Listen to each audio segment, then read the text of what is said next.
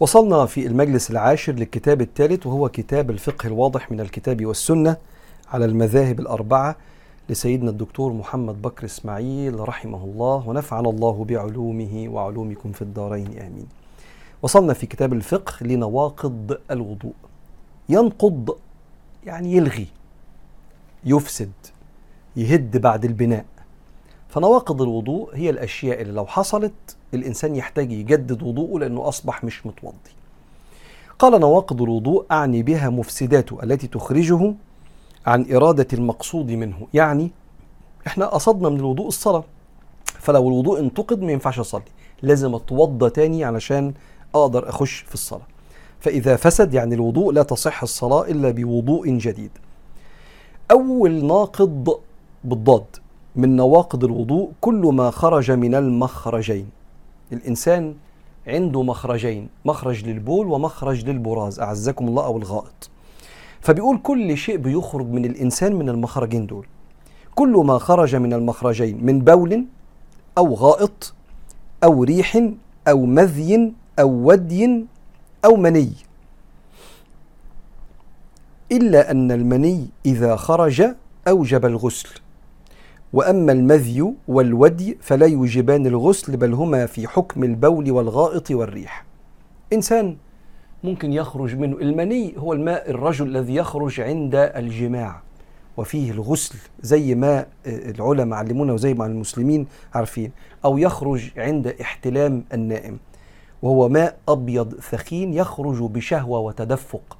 ليه بيشرح العلماء الكلام ده؟ بيشرحوه لأن في فارق. ما بين بعض السوائل التي تخرج من الرجل. فبيقول هنا إيه بقى سيدنا الشيخ؟ يقول والمذي ماء أبيض رقيق مش زي المني هو ماء أبيض رقيق. يخرج عند بدء اللذة عند بعض الاستثارة كده يخرج ليس بتدفق المني وإنما ماء أبيض رقيق. قال والودي ماء أبيض كثيف أتخن شوية يخرج عقب البول أو عقب التعب. المني يفسد الوضوء. لا ده الوضوء ويخلي الإنسان على جنابة يحتاج إن هو يغتسل. أما المذي والودي فيغسل الإنسان مكان المخرج اللي خرج منه المذي والودي. بعد ما يغسل المكان ده زي الاستنجاء كده اللي اتعلمناه في البول ثم بعد ذلك يتوضأ. ولو المذي أو الودي ده جه على اللبس بينضح يعني بيرش مية علشان ينظف هذه الأشياء اللي بتعتبر نجاسات لغاية ما يطمن إنها ما بقتش موجودة في ثيابه اللي لابسها. قال والمذي والودي دول بقى كلاهما نجس يجب غسله من الذكر المكان اللي خرج منه والثوب إلا أن المذي يجب غسل الذكر كله منه. طيب وعن علي بن أبي طالب قال كنت رجلا مذاء فاستحييت أن أسأل رسول الله صلى الله عليه وسلم فأمرت المقداد بن الأسود فسأله فقال فيه الوضوء وفي رواية يغسل ذكره ويتوضأ. سيدنا علي كانت مراته ستنا فاطمة. والمذي يخرج من الرجل في مستوى معين من الاستثارة لما يقرب من زوجته. شيء رومانسي كده جميل من القرب. بس فاطمة دي بنت النبي عليه الصلاة والسلام. فأنا هروح أقول للنبي اللي هو أبو فاطمة أنا موضوع المذي ده بيخرج مني كتير.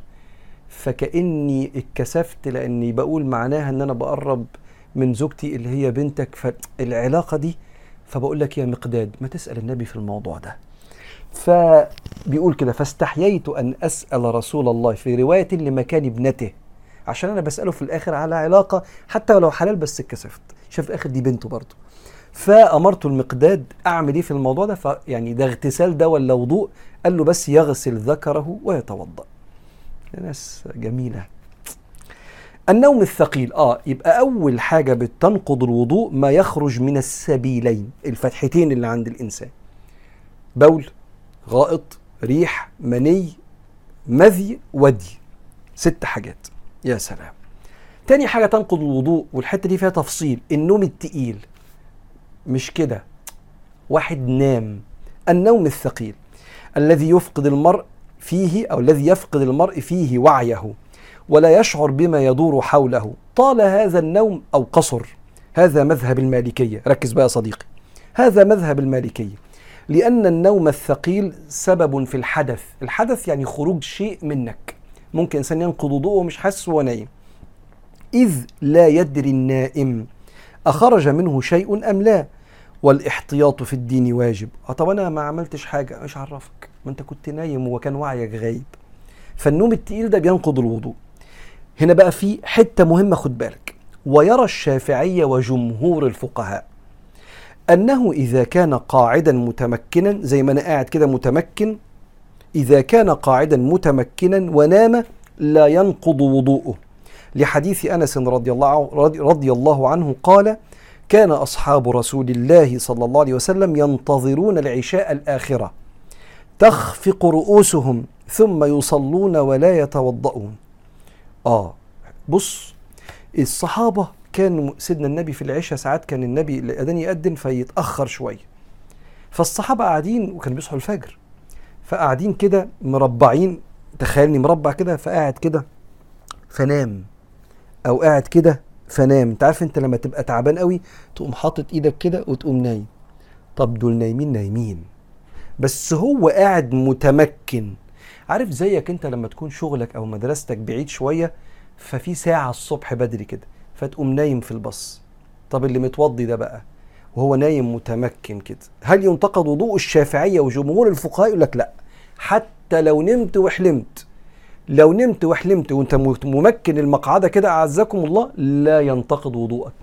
إنما لو نمت على جنبك ولا على ظهرك مش متمكن ساعتها ينتقد الوضوء.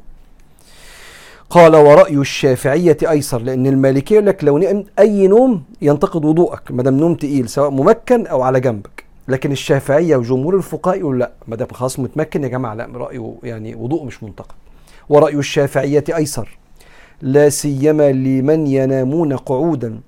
إذا أطال الخطيب في خطبته يوم الجمعة فواحد نام كده سند كده وهو متمكن المقعدة كده ونام والخطيب بيخطب ما يقومش يتوضأ. أو كان كلامه مملا بيتكلم لو الخطبة طولت والكلام كان ممل في ناس بتنام في الجامع. فهؤلاء لا يطالبون بوضوء جديد فإن ذلك يشق عليهم والدين يسر. هذا ويستحب مش فرض بقى ويستحب لمن نام طويلا نوما خفيفا أن يتوضأ. أما من نام نوما قصيرا خفيفا فليس عليه وضوء, وضوء أصلا لا وجوبا ولا استحبابا. ولكن إذا جدد الوضوء فله أجر. جميل. يعني وأنا قاعد كده عملت كده وبعدين مش عارف حطيت جنبي وعملت كده لحظة يعني مع قال لك لا طب أنا السنة دي لا مش لازم تتوضأ منها. رقم ثلاثة بعد الخروج من السبيلين وبعد مسألة النوم وقريت لك الخلاف فيها. ودي ميزة إن إحنا نذكر الفقه على المذاهب الأربعة عشان يبقى عندك رؤية لآراء الفقهاء. رقم ثلاثة زوال العقل. قال بأي سبب؟ كجنون أو سكر أو تعاطي مخدر أو دواء أو بنج. واحد خد بنج في العملية. فإن زوال العقل أشد استغراقا من النوم. لهذا لا نرى للعلماء خلافا في نقضه للوضوء.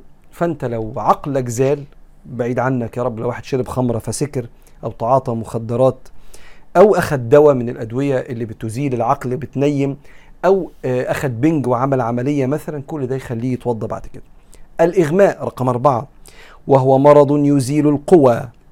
واحد وقع من طوله أغمى عليه. ويستر العقل وهو ناقض للوضوء اتفاقا. يعني يعني مش في خلاف اتفاقا بين العلماء. لأنه أشد استغراقا من النوم أيضا. قالت عائشة رضي الله عنها عنها ثقل النبي صلى الله عليه وسلم. ثقل يعني زي جاله إغماء كده في مرض الموت. فقال أصلى الناس الناس بعد ما فاكر الناس صلت يا عائشة فقلنا لا وهم ينتظرونك. قال ضعوا لي ماء في المخضب يعني إناء واسع كده. ففعلنا فاغتسل فذهب لينوء ليقوم بس كان مجهد فأغشي عليها أو أغمي عليه صلى الله عليه وسلم ثم أفاق. فقال أصلى الناس فقلنا لا وهم وهم ينتظرونك. قال ضعوا لي الماء في المخضب. المخضب زي ما قلت لك الإناء فقام فاغتسل ثم طبعا اغتسل هنا مش يعني اغتسل اغتسل يعني توضأ غسل أعضاء الوضوء يعني.